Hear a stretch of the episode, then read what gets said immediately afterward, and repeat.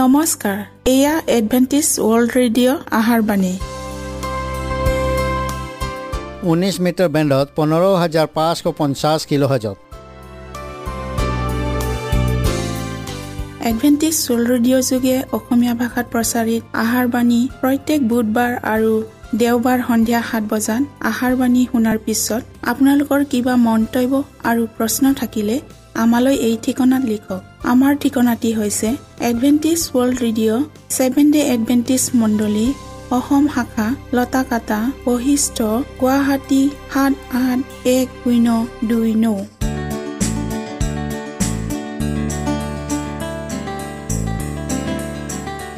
প্ৰিয় শ্ৰোতা বন্ধুসকল এতিয়া শুনো আহক এটি খ্ৰীষ্টীয় ধৰ্মীয় গীত।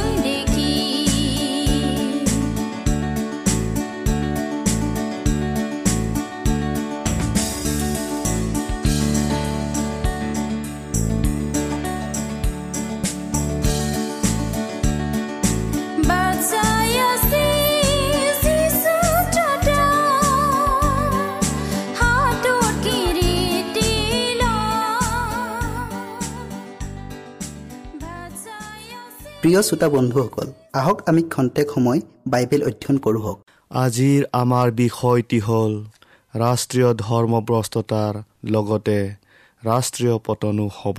বাইবেল পতি লোৱা হৈছে যিচয়া চৌব্বিছ অধ্যায়ৰ পাঁচ পদ। পৃথিৱীয়েও তাৰ নিবাসীবিলাকৰ ভৰিৰ তলত অপবিত্ৰ হ'ল কাৰণ সিহঁতে আজ্ঞাবোৰ লংঘন কৰিলে। বিধিটি পৰিৱৰ্তন কৰিলে চিৰস্থায়ী নিয়মতি ভাঙিলে। বিষয়টিৰ আগবঢ়াৰ আগত আমি প্ৰাৰ্থনা কৰি লওঁ হওক। হে কৰোণাময় ঈশ্বৰ জেহুৱা ধন্যবাদ প্ৰভু তোমাৰ প্ৰেম আৰু আশীৰ্বাদৰ বাবে। প্ৰভু আমি আজি অতি প্ৰয়োজনীয় বিষয়টি লৈ অধ্যয়ন কৰিবলৈ আগবঢ়াইছোঁ। প্ৰভু তুমি প্ৰত্যেক শ্ৰোতাৰ লগত থাকা আৰু জ্ঞান আৰু বুদ্ধি দান কৰা। তেওঁলোকৰ হৃদয় পবিত্ৰ আত্মাৰ যোগেদি স্পৰ্শ কৰি দিয়া। যীশুৰ নামত খুজিলোঁ আমেন। আমেৰিকা যুক্তৰাষ্ট্ৰৰ মানুহখিনি উপকাৰী আৰু দয়ালু বুলি জনাজাত হৈ আহিছে। কিন্তু যেতিয়া সিহঁতে ধৰ্মীয় স্বাধীনতাত নিষেধাজ্ঞা আৰোপ কৰিব। প্ৰটেষ্টান নীতিক বিসৰ্জন দিব আৰু নিজৰ ক্ষমতাক হাতত অৰ্পণ কৰিব। তেতিয়া সিহঁতৰ অপৰাধ সম্পূৰ্ণ হ'ব আৰু ৰাষ্ট্ৰীয় ধৰ্মভ্ৰষ্টতা স্বৰ্গৰ পুস্তকত লিপিবদ্ধ কৰা হ'ব। এই ধৰ্মভ্ৰষ্টতাৰ কুপৰিণতি স্বৰূপে ৰাষ্ট্ৰীয় পতন হ'ব। ঈশ্বৰৰ বিধান ভংগ কৰিবলৈ প্ৰতিষ্ঠা কৰা আনুষ্ঠানিক আইন প্ৰণয়ন কৰি ইয়াক পালন কৰিবলৈ আদেশ দিয়াৰ দ্বাৰাই আমাৰ দেশখনে ধাৰ্মিকতাৰ পৰা নিজকে সম্পূৰ্ণভাৱে আঁতৰাই আনিলে। প্ৰটেষ্টাণ্ট ধৰ্ম নীতিয়ে ৰমীয় শক্তি পাবলৈ তাইৰ হাত দুখন যেতিয়া সম্প্ৰসাৰিত কৰি সাত সাগৰ তেৰ নদীৰ সীমা অতিক্ৰম কৰিব। যেতিয়া তাই আধ্যাত্মিকতা বাদৰ অটল গহৰৰ ভিতৰত সোমাই পৰিব যেতিয়া তিনিতৰপীয়া মিত্ৰ শক্তিৰ অধীনত থাকি আমাৰ দেশখনে এখন প্ৰটেষ্টান আৰু প্ৰজাতন্ত্ৰ ৰাষ্ট্ৰ হিচাপে ইয়াৰ সংবিধানখনক স্বীকাৰ কৰিব আৰু পপীয় ব্যৱস্থাৰ আটাই মিথ্যাবাদ ভুল শিক্ষা আৰু প্ৰতাৰণাবোৰৰ প্ৰচাৰৰ বাবে সুব্যৱস্থা কৰি দিব। তেতিয়া আমি জানিব লাগিব যে ছয়তানে আচৰিত ধৰণে কাম কৰাৰ সময় আৰু পৃথিৱীৰ অন্তিম কাল আহিল। আধ্যাত্মিকতা বাদৰ যোগেদি ছয়তানক মানৱ জাতিটোৰ বাবে এজন উপকাৰী ব্যক্তিৰ দৰে দেখা যাব। কাৰণ সি নৰীয়াবোৰক সুস্থ কৰিব আৰু সি কিছুমান আধুনিক সহজ আৰু নতুন ধৰ্মীয় বিশ্বাস উদ্ভাৱন কৰিব। কিন্তু এনে সময়তে অতি গোপনীয়তাৰে এজন ধ্বংসকাৰী হিচাপেও কাম কৰিব। এজন মহান চিকিৎসক হিচাপে যেতিয়া মানুহৰ আগত দেখা দিব তেতিয়া সি নিজকে দেখুৱাব যে সি সকলো প্ৰকাৰৰ দুৰাৰোগ্য বেমাৰীসকলক সুস্থ কৰিব পাৰে। কিন্তু প্ৰকৃততে এখন জনবসতিপূৰ্ণ চহৰ সম্পূৰ্ণৰূপে ধ্বংস নোহোৱালৈকে সিয়েই সেই চহৰলৈ ৰোগ আৰু প্ৰাকৃতিক দুৰ্যোগবোৰক আনে। আৰু তাৰ পাছত সেই মহাপ্ৰতাৰকজনে যুক্তি দাঙি ধৰিব যে এইবিলাক সৰ্বনাশ হোৱাৰ একমাত্ৰ কাৰণ হৈছে ঈশ্বৰৰ বিধান পালনকাৰীসকল। তেওঁবিলাকৰ কাৰণেই এনে অমংগল হৈছে। লোকসমূহে ঈশ্বৰৰ ওচৰৰ পৰা অহাৰ লগে লগে এই অবাধ্য সন্তানসকলৰ ওপৰত নিজৰ শক্তি প্ৰয়োগ কৰিবলৈ ছয়তানে অনুমতি পায়। সি সুৰ সুৰাই সিহঁতৰ মাজত সৰ্বনাশ আনে। জল আৰু স্থলত অনেক প্ৰাকৃতিক দুৰ্যোগ দেখা যাব। অগ্নি আৰু বানপানীৰ দ্বাৰা ধন আৰু জনৰ বিস্তৰ ক্ষতি সাধন হ'ব। এই সকলোবিলাকৰ দোষ ছয়তানে সেইসকলৰ মূৰত জাপি দিব। যিসকলে সি স্থাপন কৰা মূৰ্তিৰ আগত মূৰ নুডুবায় তাৰ অনুচৰ বৰ্গই এই ধ্বংসৰ মূলতে এই বিধান পালনকাৰীসকল বুলি সিহঁতক দেখুৱাই দিব। এই মানুহখিনিয়ে নীতি নিয়ম নামানি আন দিনটোক অপবিত্ৰ কৰে তাৰ ফলতে এইবোৰ ঘটিছে বুলি সিহঁতে বিধান পালনকাৰীসকলক দোষাৰোপ কৰিব। তেওঁবিলাকে যদি ইয়াক ভয় কৰি আন দিনটোক পালন কৰিবলৈ বাধ্য হয় তেন্তে তেওঁবিলাকৰ বাবে এটা ভয়ংকৰ শেষ বিচাৰ বাট চাই আছে। প্ৰকাশিত বাক্য বাৰ অধ্যায়ৰ সোতৰ পদটো আকৌবাৰ আমি চাওঁ হওক।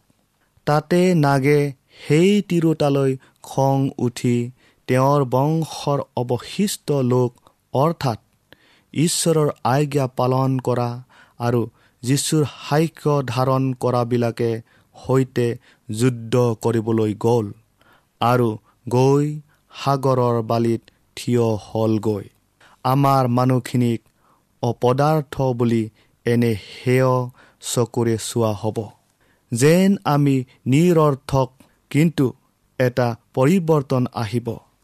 খ্ৰীষ্টান জগতখনে এনে এটা তৌল পাৰ লগোৱা পৰিস্থিতি সৃষ্টি কৰিব যাৰ দ্বাৰা ঈশ্বৰৰ বিধান পালন কৰা সকলৰ প্ৰতি সকলোৰে দৃষ্টি পৰিব। বিধান পালন কৰা সকলৰ বিপক্ষে শত্ৰু কৰাবলৈ সমুদায় জগতখনকে উত্তেজিত কৰি তোলা হ'ব। কাৰণ তেওঁবিলাকে খ্ৰীষ্টাৰীৰ শক্তিৰে প্ৰতিষ্ঠা কৰা অনুষ্ঠানৰ দিনটোক পালন কৰাৰ দ্বাৰাই পপীয় শাসনৰ প্ৰতি ৰাজভক্তি প্ৰদৰ্শন নকৰিব।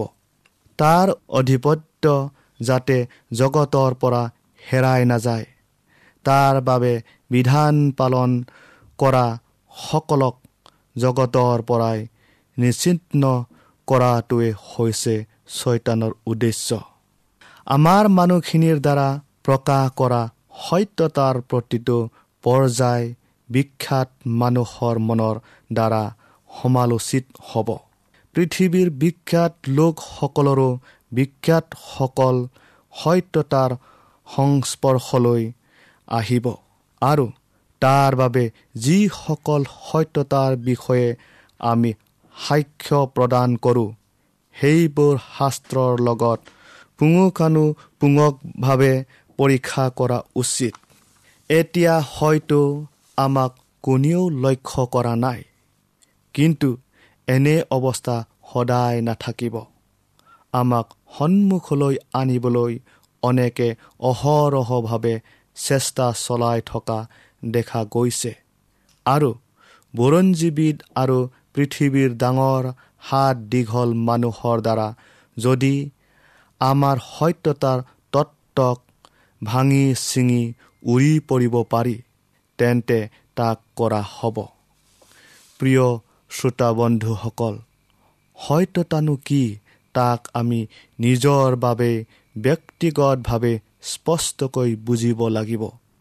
আৰু যাক আমি আশা কৰোঁ তাৰ বিষয়ে নম্ৰতাৰে আৰু ভয়েৰে সৈতে অহংকাৰ গৰ্বী আৰু আত্মাভিমানী স্বভাৱেৰে নহয় কিন্তু কৃষ্টৰ আত্মাৰে উচিত কাৰণ দেখুৱাই উত্তৰ দিবলৈ প্ৰস্তুত থাকিব লাগিব।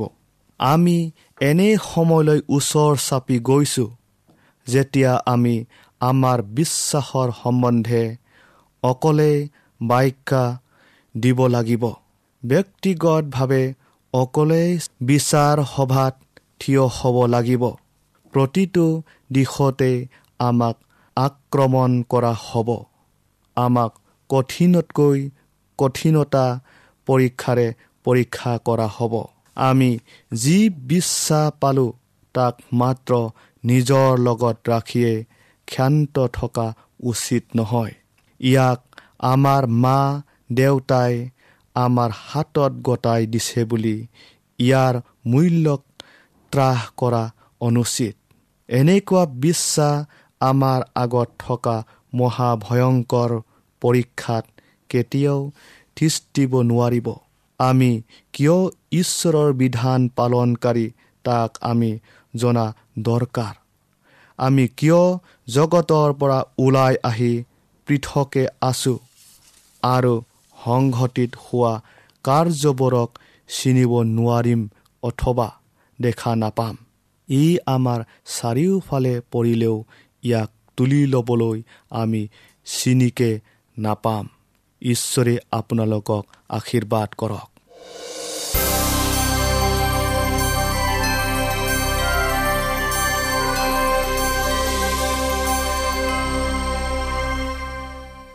আমাৰ আজিৰ বিষয়টি হ'ল প্ৰতিদিনে পৰিত্ৰাণ। বাইবেল পদটি লোৱা হৈছে প্ৰথম কৰিন্তীয়া দহ অধ্যায়ৰ বাৰ পদ।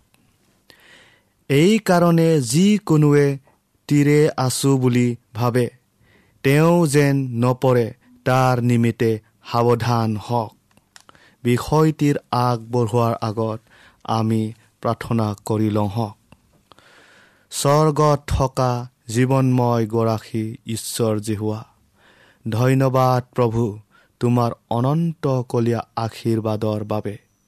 প্ৰভু এতিয়া আমি যি বিষয়টিলৈ অধ্যয়ন কৰিবলৈ আগবঢ়াইছোঁ তুমি আমাক সেই বিষয়টিলৈ বুজিবলৈ জ্ঞান আৰু বুদ্ধি দিয়া। প্ৰত্যেক শ্ৰোতাৰ লগত তুমি পবিত্ৰ আত্মাৰ যোগেদি থাকিবা। আৰু হৃদয় স্পৰ্শ কৰি দিবা। যীশুৰ নামত খুজিলোঁ আমেন। পিতৰৰ যি পতন হৈছিল সেয়া আকস্মিক অৰ্থাৎ হঠাতে হোৱা পতন নাছিল। কিন্তু এয়া লাহে লাহে বাঢ়ি আহি হোৱা পতন আছিল। নিজৰ ওপৰত কৰা অতিৰিক্ত আত্মবিশ্বাসে তেওঁক ভাবিবলৈ বাধ্য কৰিছিল যে সি পৰিত্ৰাণ প্ৰাপ্ত হ'ল আৰু একোচ একোচ কৰি সি নজনাকৈয়ে ধ্বংসৰ পথত কোচ পেলাই গৈ আছিল। আৰু যেতিয়া সি নিজ প্ৰভুক তিনিবাৰ অস্বীকাৰ কৰিছিল তেতিয়াহে তাৰ চেতনা ঘূৰি আহিছিল। আমি কেতিয়াও নিৰাপদভাৱে নিজৰ ওপৰত নিৰ্ভৰ কৰিব নোৱাৰোঁ অথবা অনুভৱ কৰিব নোৱাৰোঁ যে আমি প্ৰলোভনৰ পৰা নিৰাপদ দূৰত্বত অৱস্থান কৰিলোঁ।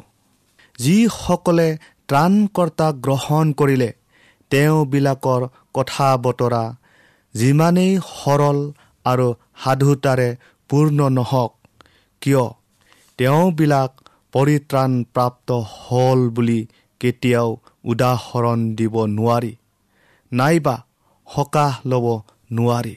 এনে কৰিলে ভুল পথে পৰিচালিত কৰা হ'ব নাইবা নিজে পৰিচালিত হ'ব। প্ৰত্যেকজন ব্যক্তিকে আশা আৰু বিশ্বাস ৰাখিবলৈ শিক্ষা দিয়া উচিত। কিন্তু এনেকি যদিও আমি নিজকে কৃষ্টৰ হাতত সোধাই দিলোঁ আৰু আমি ইয়াকো জানিলোঁ যে তেওঁ আমাক গ্ৰহণ কৰিলোঁ। তথাপি প্ৰলোভনৰ ঊৰ্ধত আমি অৱস্থান কৰা নাই। কেৱল যিসকলে পৰীক্ষা সহন কৰি পৰীক্ষা সিদ্ধ হ'ব তেওঁবিলাকেহে মাথোন জীৱনৰূপ কিৰীতি পাব। যিসকলে কৃষ্টক গ্ৰহণ কৰিয়ে তেওঁবিলাকৰ প্ৰথম বিশ্বাসতে এইদৰে কয় মই পৰিত্ৰাণ পালোঁ। তেওঁবিলাকে নিজৰ ওপৰতে এনে বিশ্বাস ৰাখি বিপদৰ মাজত থাকে। আমাক এইদৰে পৰামৰ্শ দান কৰা হৈছে। যিকোনোৱে তীৰে আছে বুলি ভাবে তেওঁ যেন নপৰে তাৰ নিমিত্তে সাৱধান হওক। আমাৰ একমাত্ৰ নিৰাপদ উপায়টো হৈছে প্ৰতিটো ক্ষণতে নিজৰ ওপৰত বিশ্বাস নাৰাখি কৃষ্টৰ ওপৰত নিৰ্ভৰ কৰি চলা। এনে অনেক ব্যক্তি আছে যিসকলে নিজকে ভাল খ্ৰীষ্টান বুলি পৰিচয় দি কেতিয়াও পৰিপক্ক খ্ৰীষ্টান হ'ব পৰা নাই। সিহঁতে ভাবে যে মানুহ পতীত জাতি সিহঁতৰ মনোবলবোৰ দুৰ্বল। নৈতিক গুণবোৰ পাবলৈ সিহঁত উপযুক্ত নহয়। কিন্তু আনফালে সিহঁতে ইয়াকো কয় যে কৃষ্টই সকলো ভাৰ বলে সকলো দুখ কষ্ট সহন কৰিলে আত্মা বলিদান দিলে আৰু এই সকলোবোৰ যেন তেওঁৱে বৈ নিয়ে তাক সিহঁতে কামনা কৰে। সিহঁতে এই বুলি কয় যে তেওঁত বিশ্বাস কৰাৰ বাহিৰে সিহঁতৰ কৰিবলগীয়া আন একো নাই। কিন্তু এই বিষয়ে কৃষ্টই কি কৈছে?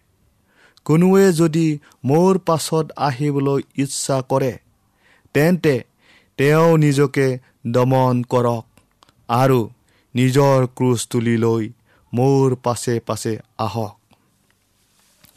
সন্তুষ্ট লভি আমি কেতিয়াও জিৰণি লোৱা উচিত নহয়। আৰু আমি পৰিত্ৰাণ পালোঁ এই বুলি কৈ বৃদ্ধি নোপোৱাকৈ থকা উচিত নহয়। আমি যদি এনে ধাৰণাৰ বশৱৰ্তী হওঁ তেন্তে বাট চাই থকাৰ যি মানসিকতা প্ৰাৰ্থনা কৰা যি মন আৰু ওপৰলৈ উঠাৰ যি ধাউতি উত্তমতালৈ হাবিয়া কৰা যি ইচ্ছা সেইবোৰ নাইকিয়া হ'ব। খ্ৰীষ্ট অহালৈকে এইবোৰ বিষয়ে ক'বলৈ কোনো সূচী জিভা বিচাৰি পোৱা নাযাব। আমি ঈশ্বৰৰ নগৰত দুৱাৰেদি প্ৰৱেশ কৰোঁ আহক বুলি কওঁতা কোনো নোলাব। প্ৰিয় শ্ৰোতাসকল তেন্তে আহক খ্ৰীষ্টৰ উপদে মতে নিজকে দমন কৰি আৰু নিজৰ ক্ৰুজ তুলি তেওঁৰ পাছে পাছে যাওঁ হওক। তেতিয়া আমাৰ পূৰ্ণ ন্যায়তাৰে আৰু উপযুক্ততাৰে ঈশ্বৰলৈ আৰু অনন্ততালৈ উদ্ধাৰকৰ্তা সেই মেৰ পলিলৈ আমি গৌৰৱ প্ৰকাশ কৰিবলৈ সক্ষম হম হওক। দ্বিতীয় কৰিন্তীয়া পাঁচ অধ্যায়ৰ সত্তৰ পদটো আকৌ আমি চাওঁ হওক। এতেকে কোনো যদি খ্ৰীষ্টত আছে তেন্তে তেওঁ নতুন সৃষ্টি পুৰণিবোৰ লুপ্ত হ'ল চোৱা নতুন হ'ল। পুৰণি প্ৰকৃতি জন্ম ৰক্ত আৰু মাংসৰ অভিলা এইবোৰ কেতিয়াও ঈশ্বৰৰ ৰাইজত উত্তৰাধিকাৰী হ'ব নোৱাৰে। পুৰণি অভ্যাস বংশগত স্বভাৱ পুৰণি পথ এই সকলোবোৰ পৰিত্যাগ কৰিব লাগিব। নহ'লে অনুগ্ৰহৰ অধিকাৰী নহ'ব। নতুন জন্মত এইবোৰ থাকিব। নতুন মতি গতি নতুন ৰুচি বিচাৰ বিবেচনা আৰু নতুন লক্ষ্য। যিসকলে পবিত্ৰ আত্মাৰ দ্বাৰা নতুনকৈ জন্ম লাভ কৰিলে তেওঁবিলাক সকলোৱে ঐশ্বৰিক প্ৰকৃতিৰ সমভাগী হ'ল আৰু তেওঁবিলাকৰ সকলো ধৰণৰ স্বভাৱ চৰিত্ৰ আৰু আচাৰ ব্যৱহাৰত খ্ৰীষ্টৰ লগত যে তেওঁবিলাকৰ সুসম্পৰ্ক আছে তাক প্ৰমাণ কৰি দেখুৱাব। নিজকে খ্ৰীষ্টান বুলি পৰিচয় দিয়া মানুহবোৰে যেতিয়া সিহঁতৰ ক্ৰুটি বিচ্যুতিৰে পৰিপূৰ্ণ পাপময় চৰিত্ৰটোকে ধৰি থাকে আৰু আগৰ কুলসিত প্ৰকৃতিটোকে ত্যাগ নকৰে। তেন্তে জগতৰ আনসকলৰ লগত থকা খ্ৰীষ্টানৰ পাৰ্থক্যক সিহঁতে কেনেকৈ দেখুৱাব? হয়তো তাক এটা সূচীকৰণ ৰূপে এটা পৰিশোধন হিচাপে তেওঁবিলাকে সমাদাৰ নকৰে। তেওঁবিলাকৰ আচলতে নতুন জন্মই হোৱা নাই। প্ৰকৃত পৰিৱৰ্তনে বংশগত স্বভাৱ চৰিত্ৰকে সলনি কৰি পেলায়। আৰু অসৎ পথৰ পৰা সৎ পথলৈ আনে। ঈশ্বৰৰ ধৰ্মটো হৈছে শিল্প নৈ পোনঠাৰে বোৱা এখন শিল্পজাত কাপোৰ স্বৰূপ যাক অসংখ্য সূতাৰে নিপুণ কলা আৰু কৌশলেৰে বোৱা হয়। ঈশ্বৰৰ পৰা জ্ঞান পোৱা সকলেহে মাথোন এই শিল্পজাত কাপোৰখনক বুই শেষ কৰিব পাৰে।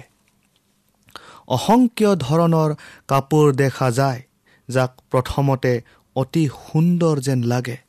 কিন্তু দিন যোৱাৰ লগে লগে সিহঁতৰ ৰং সলনি হৈ যায়। সিহঁত পৰীক্ষা সহন কৰিব নোৱাৰে।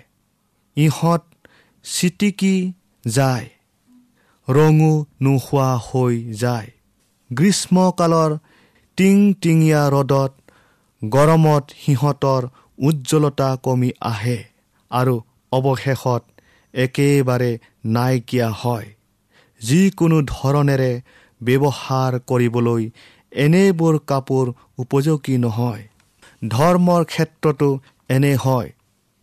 য'ত লগা সূতাৰ দৰে কলংকিত চৰিত্ৰই সংকটৰ পৰীক্ষাত থিয় দিব নোৱাৰে আৰু যাৰ দ্বাৰা এনে চৰিত্ৰ গঠন হয় তাৰো কোনো মূল্য নাই। পুৰণি কাপোৰত নতুন কাপোৰৰ টাপলি মাৰিলেও এই ভাল অৱস্থা নাপায়।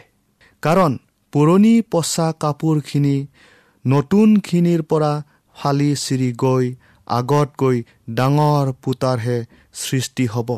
তাৰ পাছত টাপলি মৰা অসম্ভৱ হ'ব। একমাত্ৰ উপায় হ'ব পচি যোৱা পুৰণি কাপোৰখিনিক সম্পূৰ্ণৰূপে বাদ দিয়া আৰু সম্পূৰ্ণ নতুন কাপোৰ যোগাৰ কৰা। প্ৰিয় শ্ৰোতা বন্ধুসকল খ্ৰীষ্টৰ আঁচনিয়ে হৈছে একমাত্ৰ নিৰাপদ আঁচনি।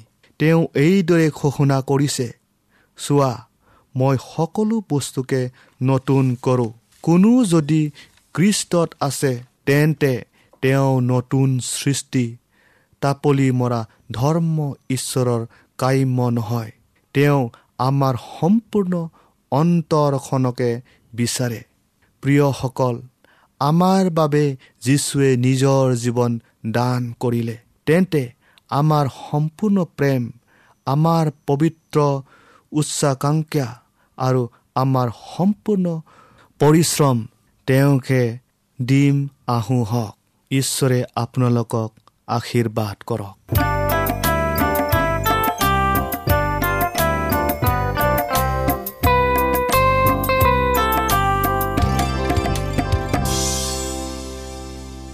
মনত ৰাখিব আমাৰ ঠিকনাটি পুনৰ কৈ দিছোঁ। Adventist World Radio' Assam region of Seven Day Adventist Voice of Hope Lotakata Basistha Guwahati seven eight one zero' two nine. প্ৰিয় শ্ৰোতা বন্ধুসকল এডভেণ্টিজ ৱৰ্ল্ড ৰেডিঅ' যোগে আহাৰবাণী প্ৰচাৰত আপোনালোকক পুনৰ লগ পোৱাৰ আহাৰে আজিলৈ সামৰিলোঁ। ধন্যবাদ।